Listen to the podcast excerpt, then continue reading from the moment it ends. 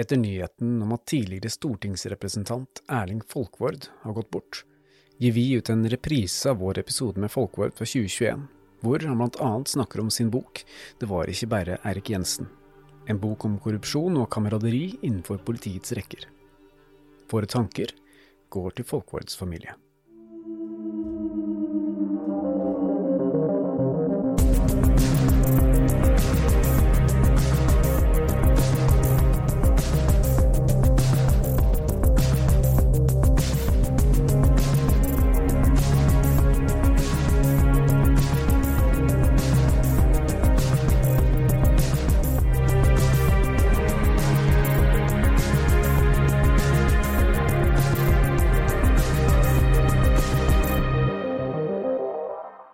Velkommen til oss, Erling eh, Folkvord. Ja, du har jo skrevet en, jo, vi har skrevet en bok som jeg fikk eh, tilsendt egentlig før den eh, ble gitt ut.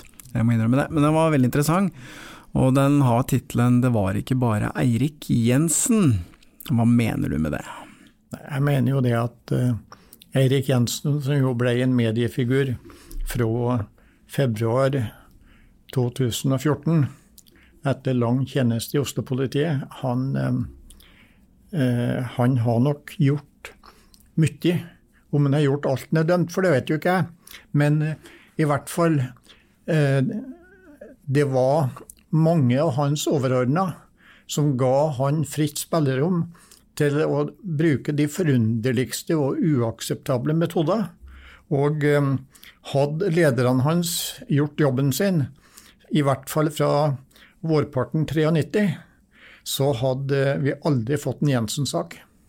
Nei, så du tenker at uh, det handler ikke bare om én politimann som er korrupt, men handler, det handler liksom mer om et system som ikke uh, har fungert bra nok?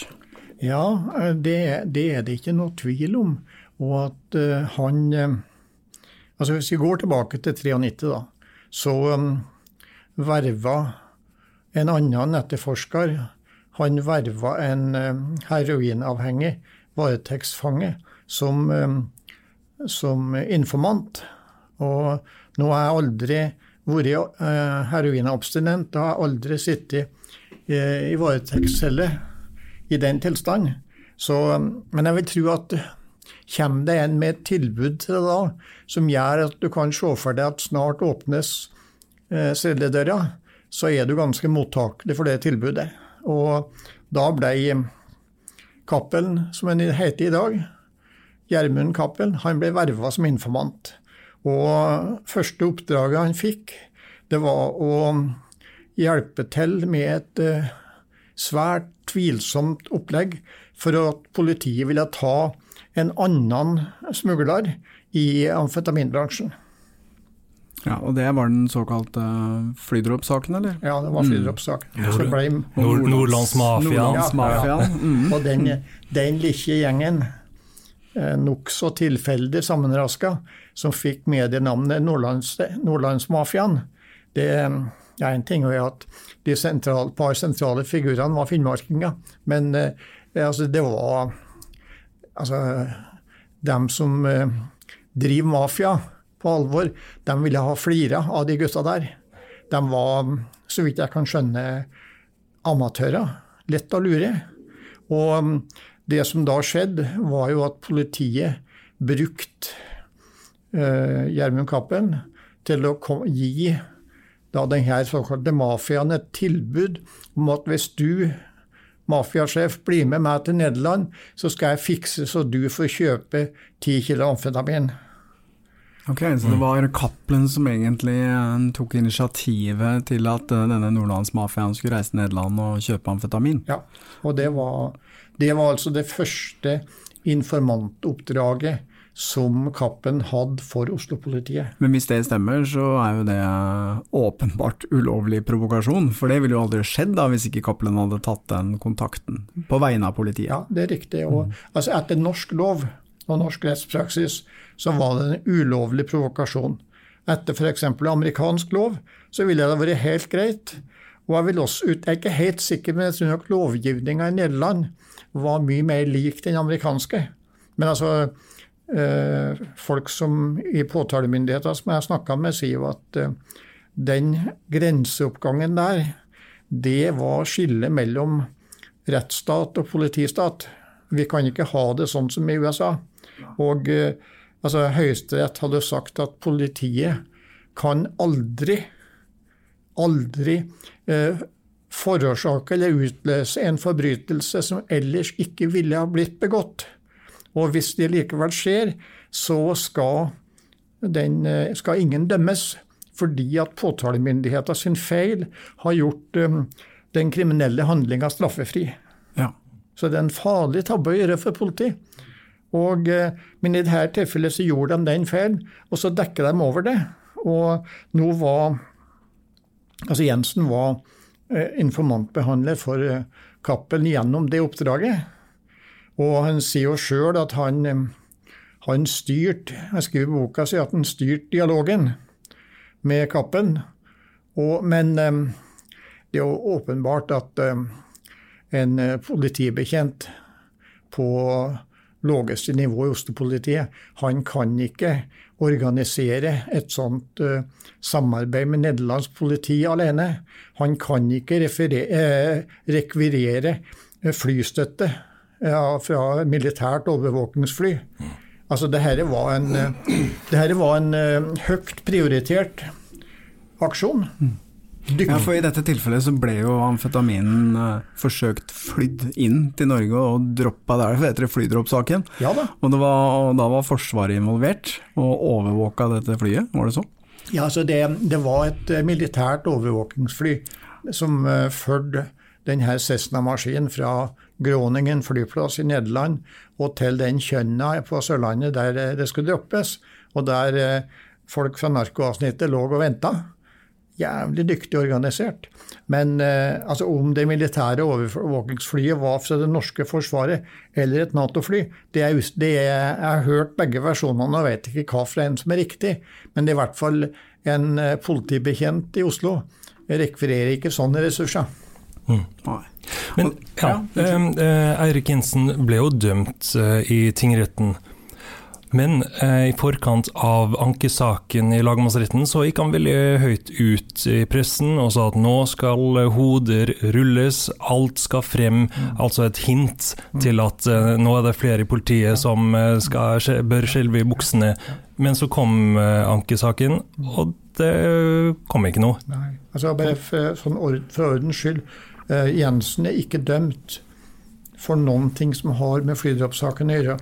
Han er bare dømt for eh, straffbare forhold etter 2004. Ja, det er riktig. Ja, ja, men, men han, eh, han, han, han, gikk jo veldig høyt ut og sa at uh, han, insinuerte da at her har det foregått veldig mye greier som involverer veldig mange andre, og nå skal jeg sladre på, nå skal jeg fortelle alt. Men han gjorde jo ikke det. Hvorfor Nei. tror du han ikke gjorde det? Nei, altså, Det er noe som jeg spekulerer på. For ut fra det som jeg har jobba med helt uavhengig av Jensen. Jensen er en av dem som jeg ikke har snakka med mens jeg jobba med denne boka. Så um, ser jeg jo at uh, altså, um, det var mange Eller i hvert fall det, det var flere uh, i lederposisjoner som var involvert med tilrettelegging, uh, stilltiende aksept og um, døvhørt når andre rapporterte om påståtte uregelmessigheter for Jensen. Og det er klart at eh, altså, hadde Jensen uh, fulgt opp i lagmannsretten det som i hvert fall flere enn oss tenkte ville komme da han snakka om at hoder som skal rulle. Hadde han fulgt opp det, så hadde det blitt en helt annen utvikling, tror jeg. Mm. Og jeg tror jo ja, jeg, jeg ville tippe at uh, Jensen ville blitt dømt, men uh, jeg tror ikke det er blitt 21 år. Og jeg ville tro at det har blitt et helvete for en del ledere i Oslo-politiet. Og um, også helt opp til um, politimesternivå. Fordi at uh, en politimester hvis, hvis de tinga under politimesternivå har blitt avdekka, så ville en um, en politimester, enten det nå var Killengren eller Gjengedal, eh, som skulle påberope seg uvitenhet, eh, ville stå litt svakt. For da ville jeg i hvert fall eh, eh, mange utenforstående tenke hva faen er det du har styrt, når du ikke har visst eh, de tingene her i de, i de virksomhetene du har ansvaret for. Mm. Så altså, jeg mener hadde, altså, jeg, jeg, har ingen sympati for Jensen, men jeg syns han gjorde et jævlig uklokt valg da han ikke bretta ut uh, det som ja, enten hele sannheten eller en mye større del av sannheten. Men hva tror du er årsaken da til at han, eh, når han sitter i en sånn posisjon og risikerer, og det fikk han jo også lovens strengeste straff, at han ikke Det ville kanskje vært normalt å dra noen med seg, da, eventuelt? Mm. Nei, altså der, der eh, blir det for så vidt eh, bare spekulasjon fra min del. Og det Jeg har ikke Altså, jeg spekulerer jo, men eh, den, de spekulasjonene mine tror jeg det er for alle formål best forblir i huet mitt. Mm. Fordi at eh, det, det kan ha årsaks, være årsaksforhold som jeg ikke kan forestille meg. Og det kan være noen av de tingene jeg spekulerer på. Mm. Så det er eh, Jeg skulle ønske meg at Erik Jensen en dag bestemmer seg for å ja, og si det som det var. Fortelle den hele og fulle sannhet. Ja, ja fortelle mm. den delen av den hele og fulle sannhet som han kjenner til. Mm. For heller ikke han kan vite alt. Nei, for det er ikke til å stikke under stol at Erik Jensen han, han, fikk jo en veldig sånn løft i karrieren sin utover 90-tallet. Uh, eh, han ble jo sett på som en Han fikk jo til og med en medalje av politimesteren i forbindelse med ranet fra til Slottet på bygda. Ja. Mm. det var jo en fornøyelig historie. men, men, uansett, han, han var liksom mange suksesser her som sannsynligvis uh, var pga. samarbeidet med Gjermund Cappelen som informant, som gjorde at han gjorde en veldig sånn karriere, da. Han ble jo liksom superpolitimann og rydda opp i motorsykkelgjengen og, og krigen mellom A og B-gjengen og, og så videre og så videre. Uh, Tror du at en del av disse suksesshistoriene kanskje var med å, å gjøre at uh, ledere ved Oslo politidistrikt så veldig gjennom fingrene med det han holdt på med? Altså, det, vært, det, det som er sikkert, er at den eh, flydroppsaken, som var basert på en ulovlig provokasjon, som var godkjent av folk på mye høyere nivå enn Jensen, den ga jo narkotikaavsnittet og narkotikasjef Roger Andresen et fantastisk omdømme i eh, hele norsk politi. Altså, eh, Kripos hadde jo sånne regionale konferanser eh, i ulike deler av landet hvert år. Med, altså der var politietterforskere, der var påtalemyndighet, og der var rubbel og bit liksom, som hadde å gjøre med håndheving av lov og rett. Og der ble flydroppsaken i Oslo ble presentert som det ypperste og mest vellykka av politiarbeid. Og sjøl om ikke Jensen deltok på de konferansene, så klart det ga et uh, veldig løft på omdømmet tidlig i en uh, politimann sin karriere. Og så um, det kan godt være uh, lignende med de tingene du sier og det som har skjedd etterpå, det, det er jeg ikke sikker på. For det er jo så, det er også så motstridende oppfatninger av eh, hva betydning eh, Gjermund Cappelen har hatt som informant. Altså hans egen versjon, eh, også si andre politifolks versjon, er veldig ulik Jensen sin. Og der, hva som er riktig, det vet jeg ikke. Men, men Hva tenker du om at en fyr som Gjermund Cappelen, som egentlig har vært kjent for å være en notorisk løgner hele livet, plutselig blir trodd på alt han sier i retten i Erik Jensen-saken? Er ikke det litt spesielt? Jo, altså det, det er mildt sagt eh, spesielt. Altså at han eh, Det må ha vært sånn i februar-mars eh, 2014, så ble den erfarne, og som du sa, altså antatt løgnaktige narkotikasmugleren med så mange ungdommer sitt eh, ødelagte liv på samvittigheten. Han ble nærmest over natta sannhetsvitne for Spesialenheten. Og eh, det syns jeg er et av de store mysteriene. Og får en skikkelig strafferabatt. Ja, ja, ja. Fordi at han snakker sant. 80 år. Mm. det er ganske mye. Han er snart ute igjen nå. Ja. Mm. så, så altså, det er jo en Altså det at en At uh, politiet bruker en um, kriminell forretningsmann som uh, informant for å få mest mulig opplysninger ut av en, det, det syns jeg jo er helt naturlig. Mm. Uh, altså, hvis ikke politiet gjorde sånn, så ville politiet kommet til kort mange flere plasser enn de gjør. Men uh, det å Altså, å gjøre den til sannhetsvitne, det å i hvert fall i åpen rett, så ble det jo ikke stilt spørsmål om hvem jobber du for, Gjermund Kappen? Altså, En politimann sa til meg at uh, det er jo ikke sikkert at han var noe særlig mer enn en lagerbestyrer i Norge. Nei, ikke sant. Altså, uh, altså Han som er antatt som økonomisjefen hans, han omkom jo dessverre i ei ulykke i vinter. Men altså, det er klart uh, Kappen hadde jo et helt naturlig et eh, nettverk utafor Norges grenser. Han eh, eh, ja. ja. Hvem forsynte han med all ja, denne hasjen, ja, f.eks.? Ja, ja. Mm. Men du nevnte tidligere visepolitimester eh, Roger Andresen. Uh, vi snakket litt om William Nygaard-saken. For de som hører på, så var jo det attentatet mot eh, forlagssjef eh, William Nygaard i 93, var det det? Oktober 93. Oktober 93. Og det kom jo som en bakgrunn av at de hadde gitt ut denne boken 'Santaniske vers'. Og da den ble gitt ut første gangen, så, så, ble det utstedt en såkalt fatwa fra iranske myndigheter om at uh, man skulle drepe de som hadde tilknytning til denne boken, og det var jo noen oversettere som ble drept. Og så ble jo William Nygaard da skutt utenfor hjemmet sitt i oktober 93. Og eh, den saken ble jo aldri oppklart av norsk politi, og du har vært veldig kritisk til den håndteringen. For ordens skyld så må jeg jo si at det var faktisk faren min som var leder for etterforskninga. men, eh, men, det han har sagt til meg, da, det er at eh, at William Nygaard var veldig uh, uenig med han i håndtering av saken, fordi politiet den gangen gikk jo veldig bredt ut i etterforskningen.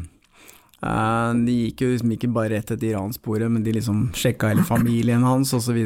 for å finne ut av hvem som, som skøyt, da. Men, uh, men, denne saken utviklet seg over uh, flere år, og kanskje ikke i en heldig retning.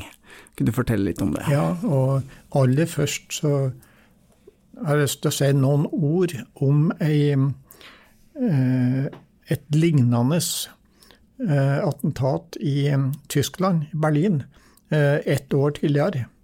Eller 13 måneder tidligere, på restauranten Mykonos. Der var det fire kurdisk-iranske eksilpolitikere som ble likvidert av to drapsmenn. Og tysk politi gjennomførte ei veldig effektiv etterforskning. På samme nivå som Oslo-politiets etterforskning av eh, Nordea-ranet i 2010. Og Mykonos-etterforskninga var avslutta slik at rettssaken i Tyskland starta like etter attentatet på Nygård. Og det, altså det interessante i Mykonos-saka var at eh, politi og påtalemyndighet gjorde en proff jobb, mens den, den tyske regjeringa la press både på politiet og på Riksadvokaten, for at de ville ikke ha noe, noen ting her som kunne peke mot uh, politiske myndigheter i Iran. Nei, det ble litt sånn diplomatiske ja. problemer. Og mm. der, der, var det sånn at uh, Riksadvokaten, han sto oppreist. Stahl, tror jeg han heter. Og uh, han uh, avfeide alle sånne forsøk på å styre etterforskninga. Og um, det gikk så langt at tysk politi tok ut tiltale mot etterretningsministeren i Iran. Okay. Og ikke bare det, men i den føderale høyesterett så ble det også, sikkert da på anmodning fra Riksadvokaten, så ble det beslutta arrestordre på denne statsråden i Iran. Forholdsvis uhørt, kan du si, i forhold til et land som Tyskland hadde diplomatiske og økonomiske forbindelser med. Og da Men altså, det var jo påtalemyndigheter som kjørte løpet. Og um, i um, april 1997 eh, så ble det avsagt dom. Og um, to leiemordere med opprinnelse i Libanon, de ble dømt. Og noen andre ble dømt for eh, medvirkning. Og den, den dommen var så oppsiktsvekkende at eh, de fleste EU-landene umiddelbart kalte hjem sine ambassadører fra, fra Iran. Så du kan si at i Tyskland så fungerte rettsstaten? Det, Politikerne skal ikke blande seg inn i ja, eh, domstolen? Det, det fungerte mm. imponerende bra. Mm. Så eh, altså, alle som måtte ha fordommer, sikkert kanskje begrunna fordommer tysk, mot tysk politi, skal, bør merke seg det. Men så, da eh, den dommen fall i Tyskland, så pågikk jo etterforskninga i Nygårdsaka fortsatt. Og så eh, utpå nyåret i året etterpå, altså i 1998, så mente etterforskerne og politiadvokaten, påtaleansvarlig, at de sto framfor et gjennombrudd. De, de, hadde en person som de mistenkte, og som de ville pågripe. Og den pågripinga ble klarert helt til topps i politiet. Altså, det betyr politimester Killengren. Ja. Og hun, hun, var nok så optimistisk at hun, hun gjorde en uvanlig ting. Eh, hun inviterte William Nygaard til et møte på kontoret sitt. Og for å gi han informasjon om at nå, altså nå er det et tiltak i vente som kan, som kan føre oss videre. Og det var jo fortrolig informasjon til Nygaard. Og han Eh, holdt nok tett om det i mange, mange år. Og mm, jeg snakka med ham om det i fjor høst. Og mm, så det og lørdag 28. mars i 98 så slo nå politiet til og pågrep denne uh, unge mannen. Uh, Satt i arrest. Uh, planlagt framstilling i, i, for varetektsfengsling på mandag. Og uh, avtale med han og forsvarer om at første avhør blir søndag morgen. Og etterforskerne gikk jo, vil jeg tro, slitne, men fornøyd hjem. Mm. Og så i nitida på lørdagskvelden så fikk de telefon at du behøver ikke å komme på jobb i morgen. Det blir ikke noe avhør. Eh, den mistenkte er løslatt. Uten avhør? Han blir ikke avhørt? Uten avhør. Og han er løslatt bak ryggen på påtaleansvarlig. Og Hvem var det som besluttet det? Eh, det var daværende visepolitimester, nyutnevnt visepolitimester Roger Andresen.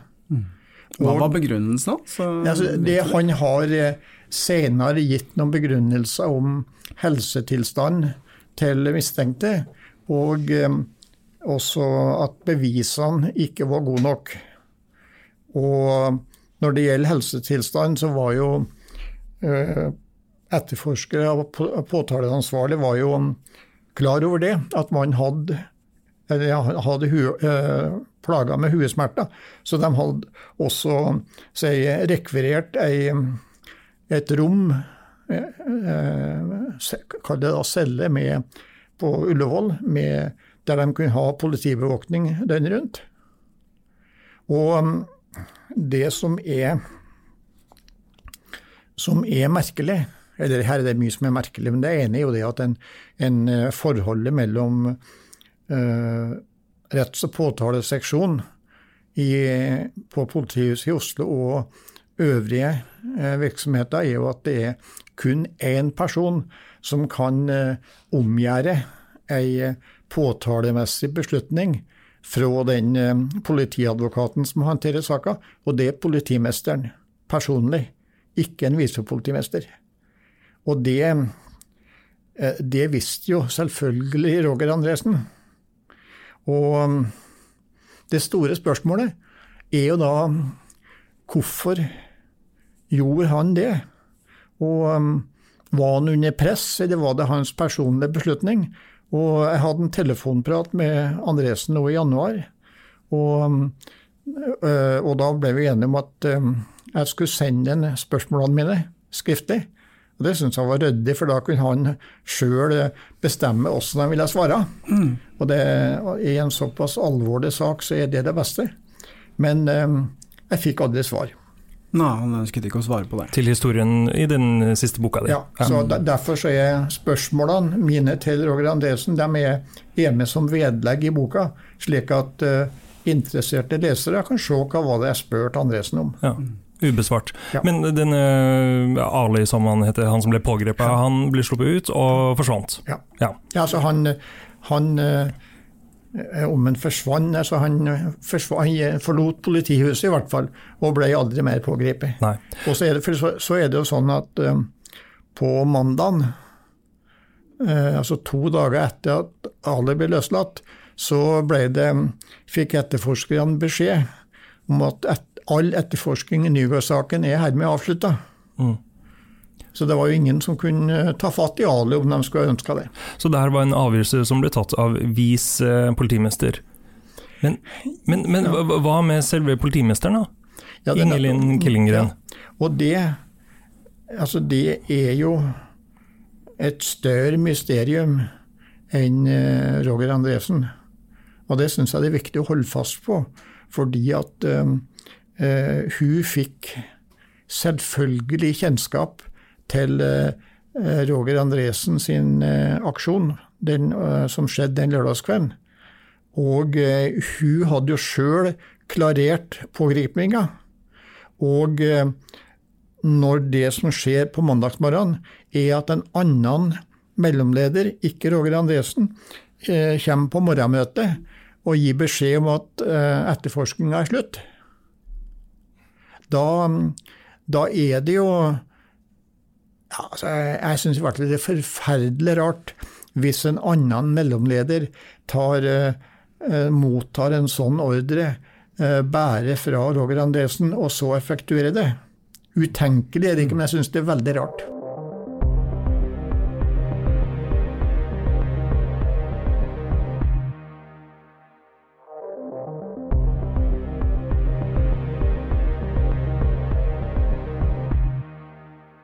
Og, jeg har også ja. hørt at uh, han som var etterforskningsleder, jeg skal ikke bruke navnet hans nå, men han, uh, han sluttet i protest. Det som jeg har, har hørt, er at en av etterforskerne ble så forbanna at han sa til en kollega at uh, nå Altså, nå, nå kommer jeg til å slutte i politiet. Men Og jeg har fått bekrefta det utsagnet, eh, men ikke fra han sjøl, sjøl om jeg har snakka med han. Eh, og mm, jeg, ja, om han gjorde alvor av det, det vet ikke jeg. Tenker du at dette var politisk motivert? Altså, det er eh, Jeg har jo eh, begrensa kunnskap om Roger Andresen og har vel kanskje enda mer begrensa kunnskap om eh, daværende politimester Killengren. Men eh, de var jo begge to um, seriøse jurister med høy kompetanse. Og um, altså for meg er det i hvert fall um, helt ufattelig at uh, Killengren altså Det hun gjorde, var jo at hun holdt kjeft, og hun beskytta Roger Andresen mot etterforsking. Eh, av eh, de tjenestefela. Hun beskytta han i over ti år.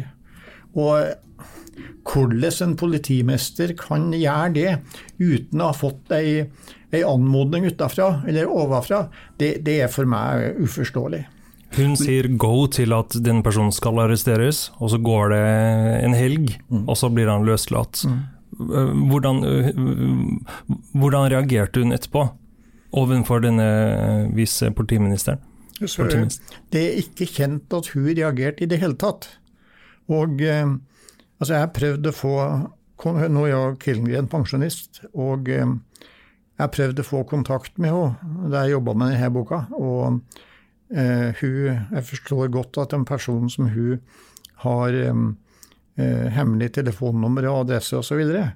Det er et naturlig tiltak. Men så er veien inn til hun, det er e-post til Politidirektoratet med anmodning om at uh, ting skal bli sendt videre. Så jeg fulgte den veien, men i januar i år. Men uh, Killengren så ingen grunn til å ta kontakt med meg. Nei, Så ikke noe svar fra Roger Andresen og ikke noe svar fra Killengren? Nei, men Roger Andresen fikk jeg i hvert fall snakka med. Ja. Og det var nå en, en, grei og hyggelig prat. Mm. Men på et eller annet tidspunkt så ble jo Roger Andresen etterforsket av Spesialenheten pga. Ja. dette. Ja. Kan du fortelle om det? Ja, Det var i 2011, etter at um, Eh, den journalisten som er årsak til at vi helt tatt fremdeles har en uløst Nygaard-sak, Han heter Odd Isungset.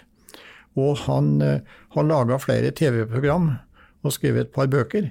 Men etter et TV-program der han uh, var i stand til å si, offentliggjøre den rolla Roger Andresen hadde hatt, da ble det beslutta fra eh, overordna politimyndighet, jeg vil tro det betyr Riksadvokaten, at eh, saka skulle gjennomgås på nytt.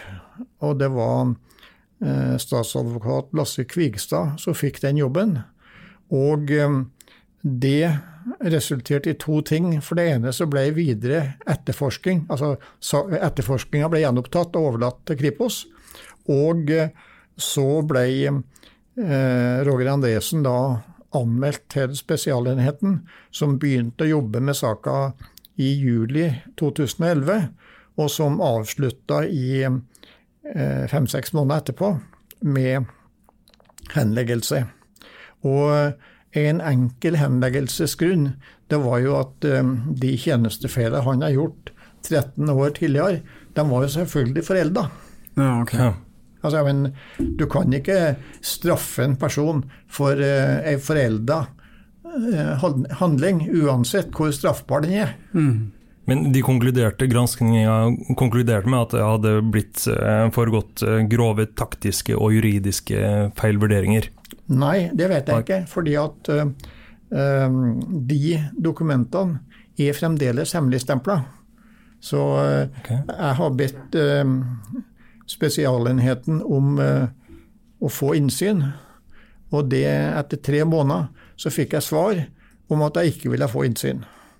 Og, men det uh, ja, jeg, fikk, jeg fikk for øvrig et sånn uh, saklig og detaljert svar som jo bekrefter det at, at de sto overfor etterforsking av forelda Eh, forelda påståtte tjenestefeil, og, men så at det var ei Det er ei finurlig ja, Det er i hvert fall ei litt eh, rar bestemmelse i lovgivninga som gjør at sån, eh, sånne tjenestefeil kan likevel etterforskes dersom de har et sånt innhold at de kan føre til at uh, den mistenkte uh, kan uh, fratas jobben.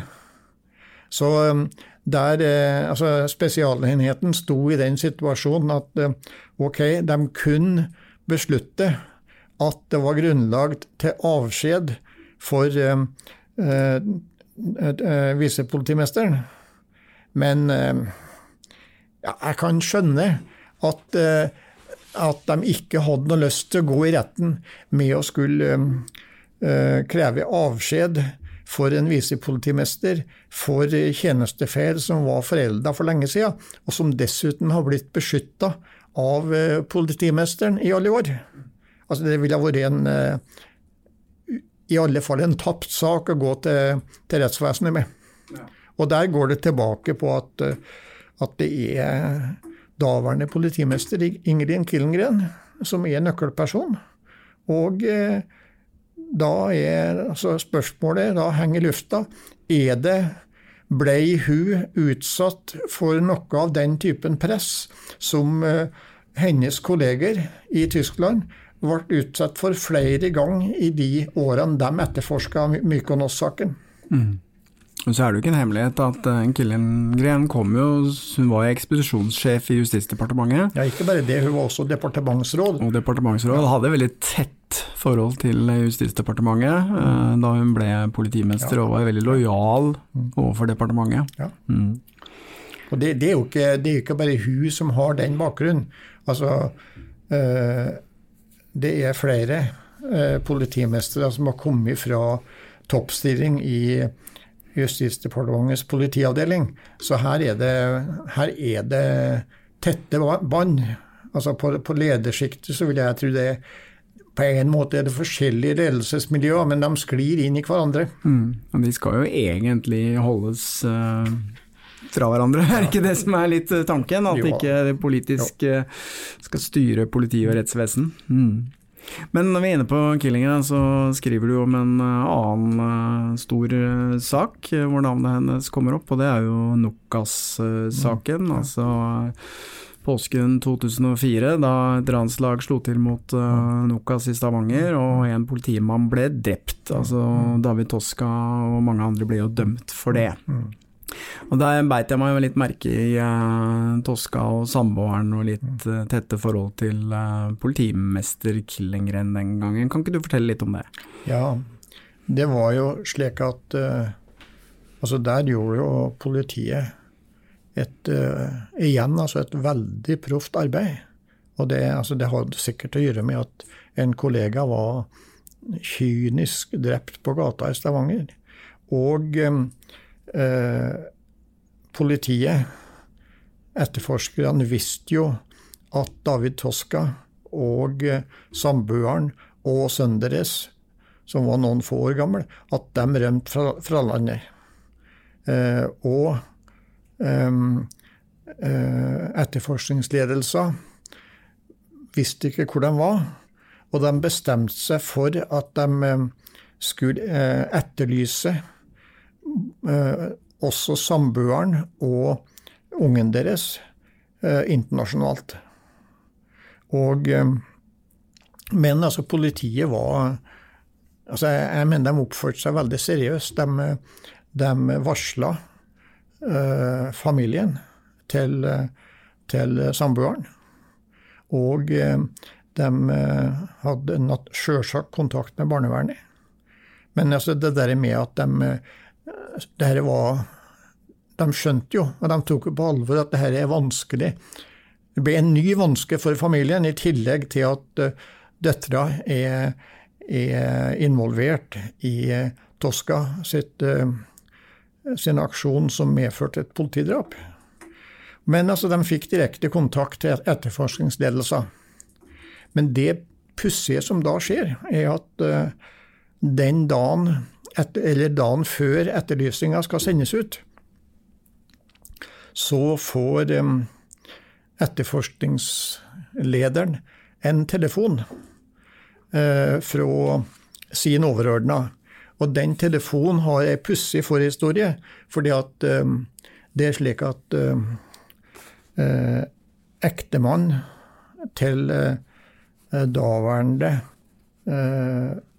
politidirektør Killengren, hun hadde avansert, han, eh, han var kollega og partner i eh, revisjonsfirmaet KPMG. Han var kollega med faren til eh, Toskas samboer. Ok, bare så ja. Faren til Toskas eh, samboer, ja. samboeren som de tenkte å etterlyse, ja. var liksom nær kollega og partner med ektemann til daværende politidirektør Killengren. Så det var ganske tette bånd der. Mm. Og det mener jeg også at vi Altså, Norge er et lite samfunn, mm. så at uh, vi vi bør ikke kritisere noen fordi at de er i slekt med hverandre. Nei, det er sant. Men, men eh, særlig folk med makt i offentlig etat må sjøl være obs på at ai, her, her, har jeg en eh, nærstående eller noe sånt noe som en, kan ha en rolle i denne saken. Her må vi holde vasstette skott. Men det som da skjer, er at uh, far til samboer ringer til sin kollega, uh, som da er gift med politidirektøren, og når, når ektemannen til politidirektøren får den telefonen, som da handler om, åpenbart handler om den vanskelige situasjonen for, for dattera, som er Toskas samboer, så ringer eh, ektemannen Killengren til kona si, som er på ferie, så vidt jeg husker, i Frankrike, og videreformidler et budskap.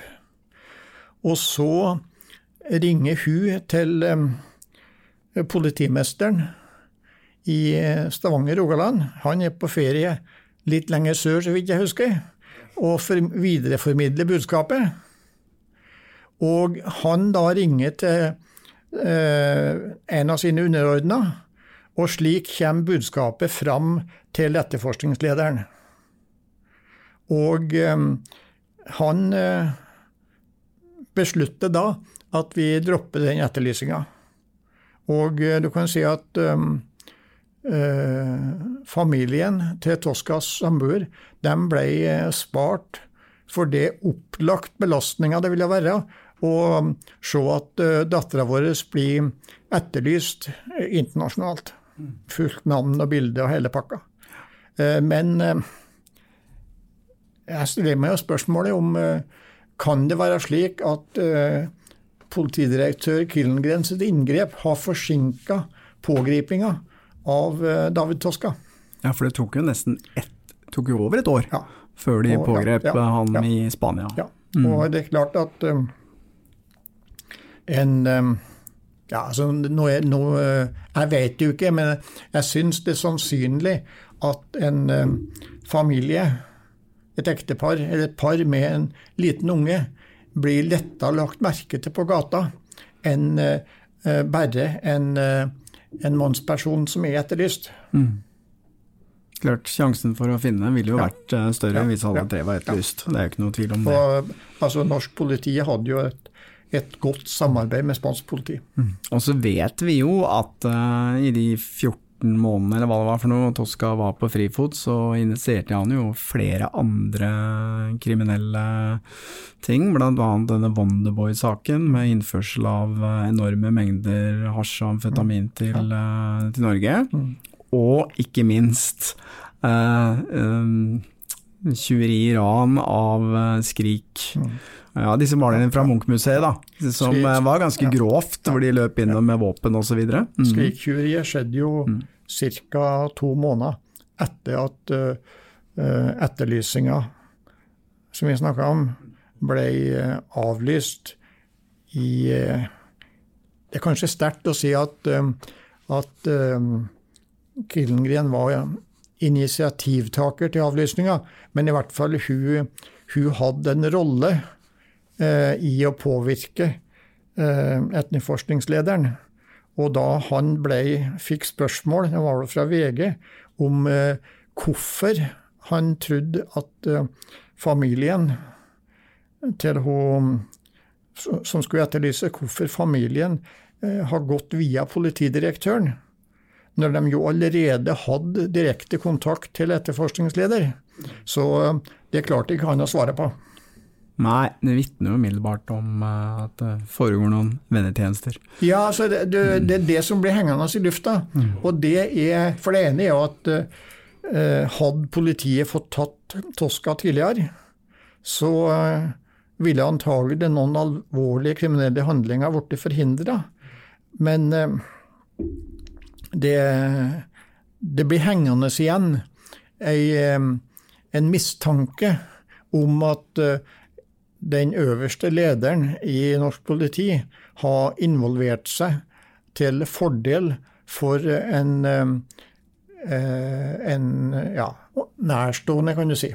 Mm. Og I forbindelse med den boka di, så har jo du eh, selvfølgelig sendt spørsmål om det der til Killengren, men hun har ikke sett noe behov for å svare på det der?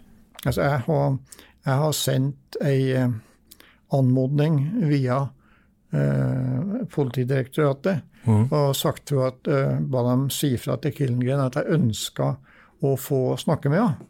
Men uh, jeg sendte ikke med noen spørsmålsliste. Okay. For det syns jeg i grunnen at uh, det hadde ikke nåværende postmottak i Politidirektoratet noe med. Nei, altså, du ville ha en direkte kontakt. Det eneste ansvarlige, eneste etiske ansvarlige ville være å, å snakke med Killengren personlig om det. Jeg påberoper meg ikke å være uh, den som har oppdaga det her, men uh, jeg har vel tydeligere enn andre sett det i sammenheng med at uh, politidirektøren ser ut til å ha vært prega av en, en, ukultur som i hvert fall grenser opp som jeg mener uakseptabel, og som grenser opp til brudd på habilitetsreglene i forvaltningslova. Ja, for innholdet i uh, budskapet i den boken din er jo, som tittelen sier, er at det var ikke bare Eirik Jensen som gjorde uh, ulovlige ting. Det, det, foregikk mye rart. Og du starter i boka di med å, å fortelle om Sahor. Ja. Mm. Ja. Som også slapp unna med mye greier, og etter hvert ble en ganske stor aktør i det kriminelle miljøet. Kan ikke du fortelle litt om det? Ja, altså, Omar Sahor er jo si, østkantgutten fra Motsfelds gate, som starta Ja, han kom skjevt ut, kan du si, som tenåring. Og det er det mange tenåringer på østkanten som har gjort. Han Det er nesten i etterkant, når han har vært inn, nå er involvert i milliardforretninger fra eh, luksusbolig i Dubai, så er det nesten komisk at han, han starta med å rappe onkelen sitt eh, bankkort. Og så um, farta han rundt sammen med noen kamerater to dager rett før jul eh, og um, eh, tok ut 31 200 og noen kroner gjennom en 70-80 enkeltuttak. Altså småbeløp, så at det ikke skulle bli reaksjoner i, i butikkene. Jævla smart! Men altså Og um, det der, der ble nå også etterforska på seriøst vis, men det tok en del tid før det kom, kom for retten. Men da ble fikk han en betinga dom med to års prøvetid. Men i mellomtida så hadde han blitt noen år gamlere og starta eller sånn tok over styringa av onkelen sitt reisebyrå. Og drev stort med med underslag av billettinntekter som skulle ha vært sendt til flyselskapene. Og eh, han gjorde også et stort underslag av eh, 1000 si, bruksklare eh, flybilletter. Mm. Det var i sommeren 99. For det, var et sånn annet system. Da uh, fikk reisebyrået en bunke med ja. flybilletter, ja, ja. Som, litt sånn som reisesjekker. Og så kom folk innom og mm. bestilte tur, og så fikk de en signert uh, billett. Mm. Og så tok de med seg den til flyplassen, men de kom jo ingen vei. Nei, det var det, var det, papir, det var papirbillettens i tid, det her. Og derfor så, uh, så mottok da reisebyråene, som du sa, en, en bunke med nummererte billetter fra den felles organisasjonen til flyselskapene. Og eh, det så skulle reisebyrået føre på navn, flightnummer, stempling osv. Så, så det var blanko eh, flybilletter, rett og slett? Ja. ja. Mm. Eh, blanko flybilletter kan sidestilles med blanko sjekk. Mm. Og eh, en del av uh, Sahor sine kunder de uh, erfarte at billetten var ikke gyldig da de kom på flyplassen. Mens uh, de fleste reiste nok glad og fornøyd. Og stikkprøvekontrollen hos flyselskapene var såpass dårlig at det var ikke så mange som ble stoppa. Og millionene rulla inn i kassa hos Omar Sahor.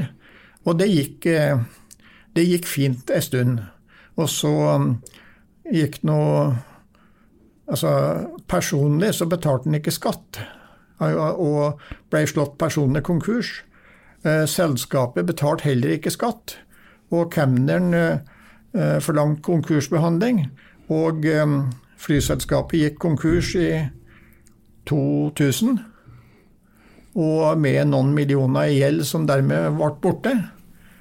Konkurs er praktisk for den som er kynisk. og, ja, og han eh, sjøl så stakk han av til utlandet. Med de reisesjekkene? Med billettene? Ja. ja.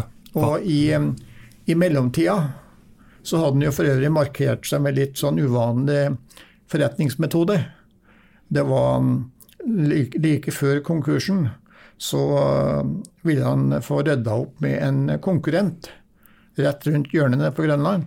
Så han og en bror eh, gikk innom der med balltre og sa fra at dere må stenge.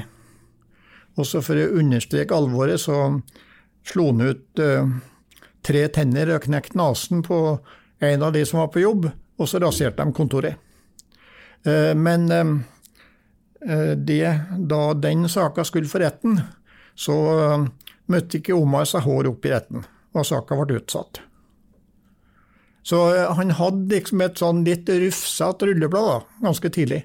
Men han, han reiste til utlandet etter, etter, at konkursen var et faktum. Da snakker vi om år 2000.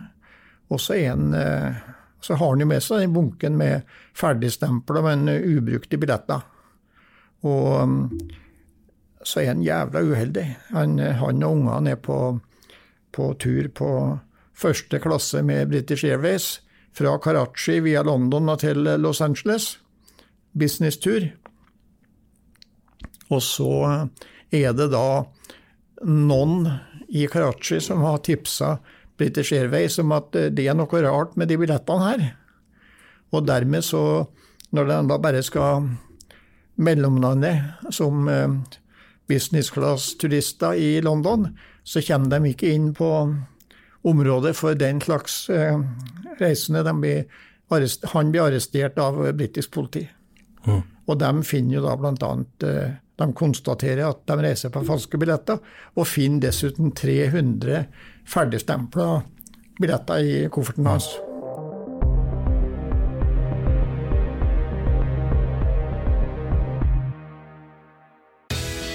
Du pusse opp eller bygge noe nytt? Ikke kast bort tid på å lete etter håndverkere selv. Gå inn på mittanbud.no og lag en beskrivelse av jobben du ville ha gjort.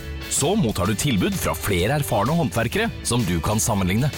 Med mange tilbud er du sikrere på at du velger riktig bedrift, og at jobben blir skikkelig utført. Mittanbud.no få jobben gjort.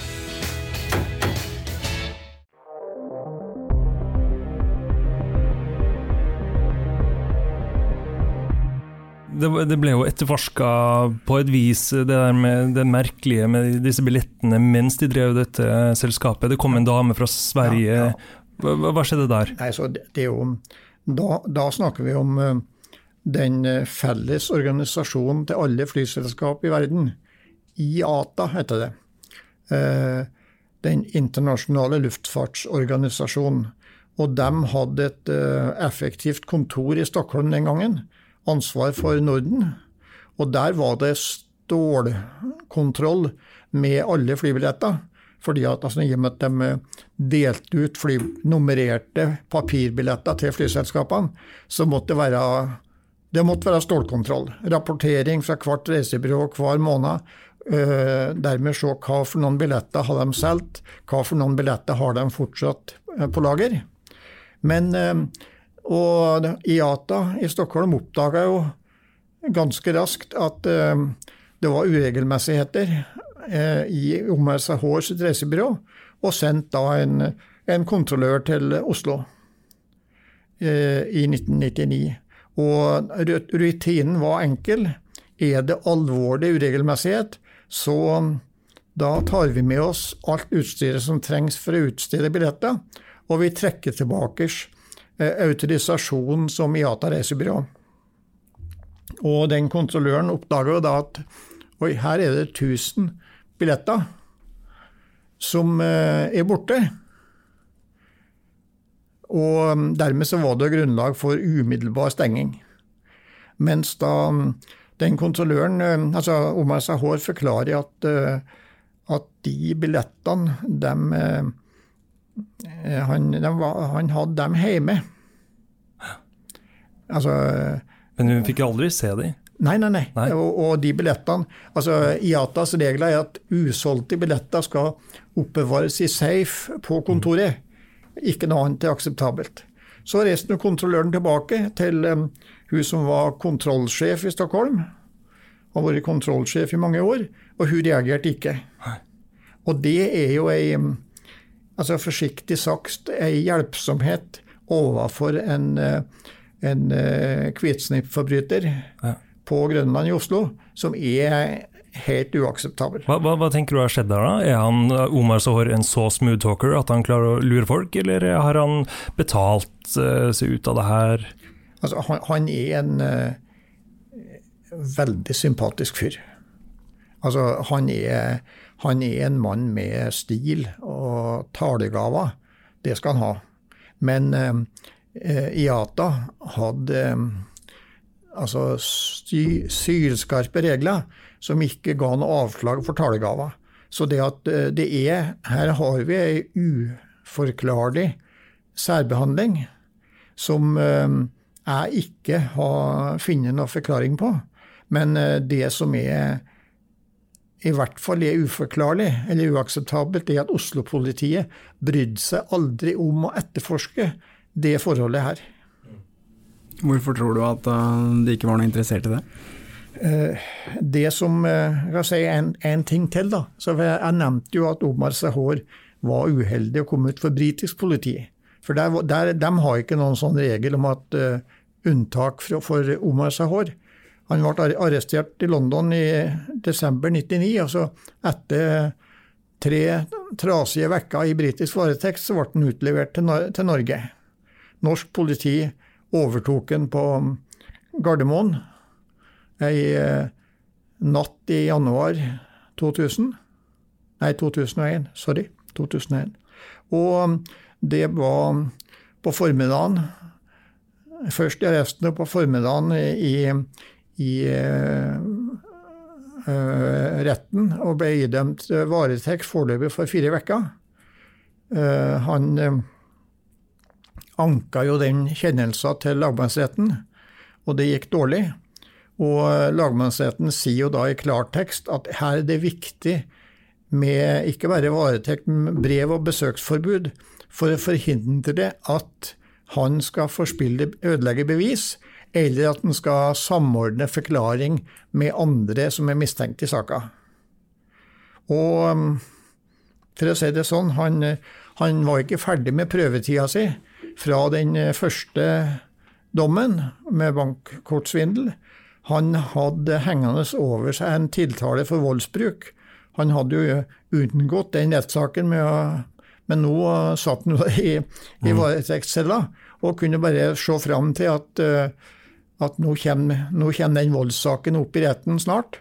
Og i tillegg så driver de og etterforsker meg for flybillettsvindel i millionklassen.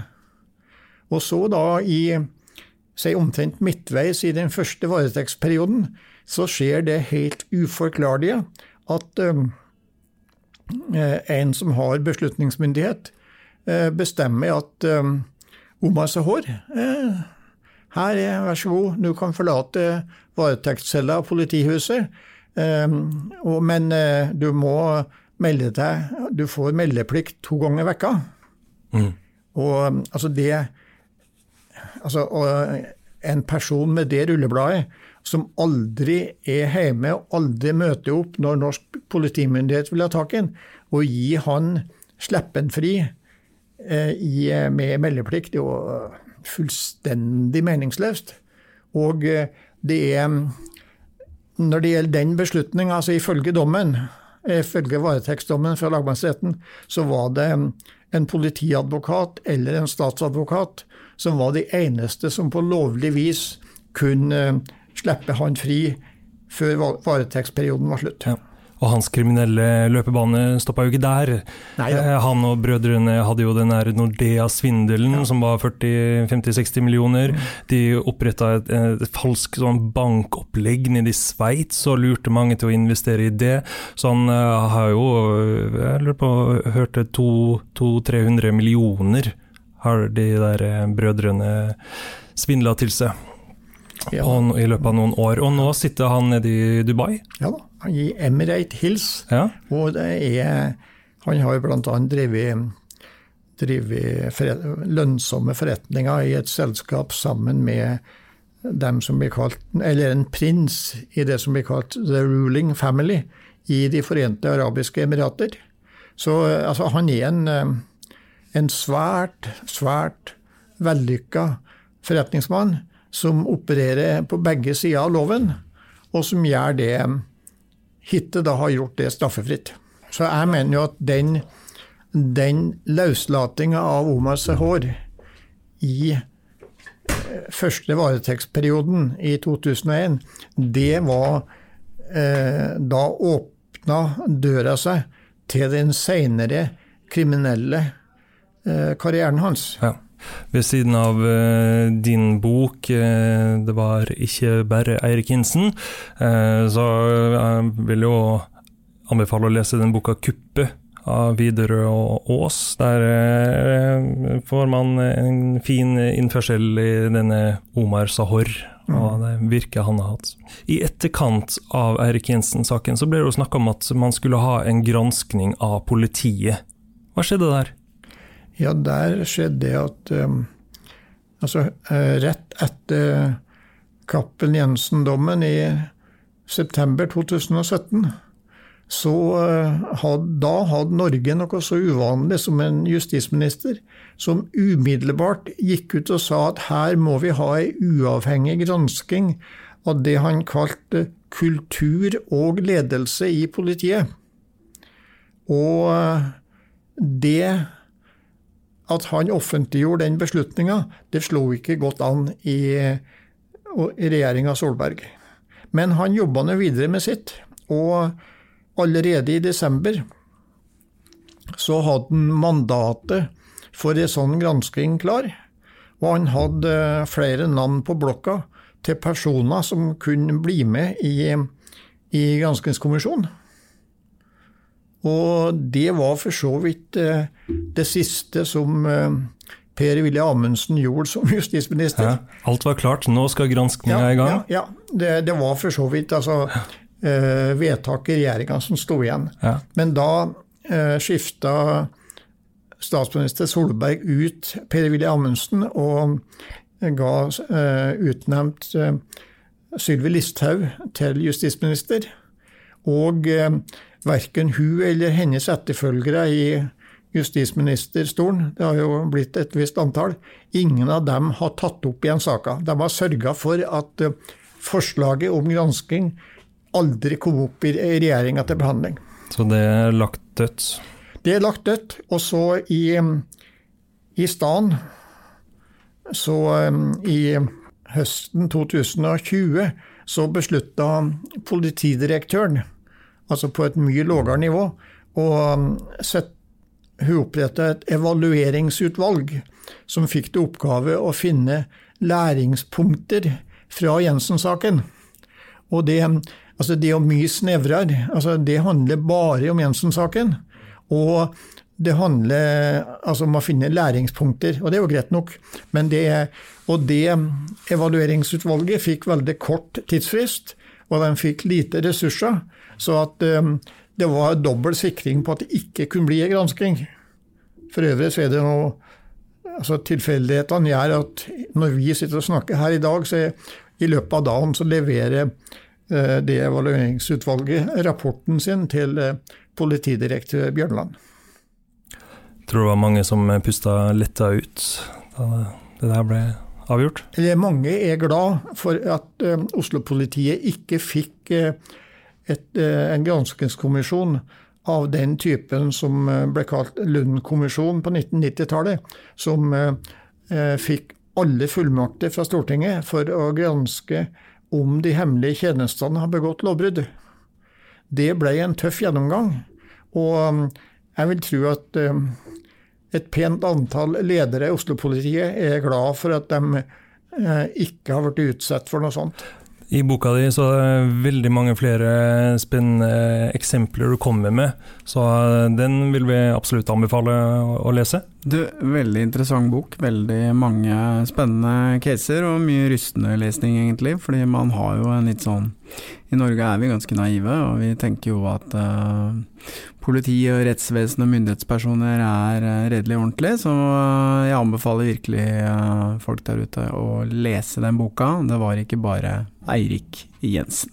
Det er så mange politifolk som har hjelpa meg med opplysninger til den boka. Og det er så mange lesere av andre politifolk som har kommet med positive tilbakemeldinger. Og det, det er tankevekkende for meg. Og uavhengig av det, så vil jeg si at dette er ikke ei bok med noen generell kritikk av eh, fotfolket i politiet. Ikke noen generell kritikk av, eh, av um, politietterforskere eller politiadvokater og heller ikke en generell kritikk av statsadvokatene. Men det er enkeltpersoner i Oslo statsadvokatembeter, det er enkeltpersoner i eh, ledersjiktet, i ulike ledersjikt i Oslo-politiet, som det handler om. Mm. Er det ikke du som har sagt at all møkk kommer ovenifra og renner nedover? Jo da, det er det. Og altså, ukulturen, når den får blomstre og vokse, så, det, så kommer jo gjødsla kommer ovenfra. Sjøl om, om, det kanskje skulle starte med en handling langt nede, eller på mellomnivå, sånn som flydroppsaken i 93, når det ikke blir rydda opp, så er det toppsjiktet som unnlater å rydde opp, og da sprer de gjødsel til ukulturen ned gjennom de ulike nivåene i politiorganisasjonen. Og mange politifolk blir forbanna og biter bite negler og snakker om at faen ta, vi kan ikke ha det sånn. Men altså det er en, eh, politiet er en veldig autoritært leda organisasjon. Det er um, Mange har fortalt meg om hvor farlig det ville være å si fra om, uh, med kritikk av ledere.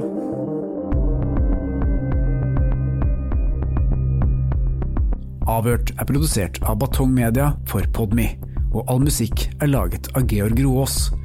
For å komme i kontakt med oss, gå inn på Facebook-siden Batong Media.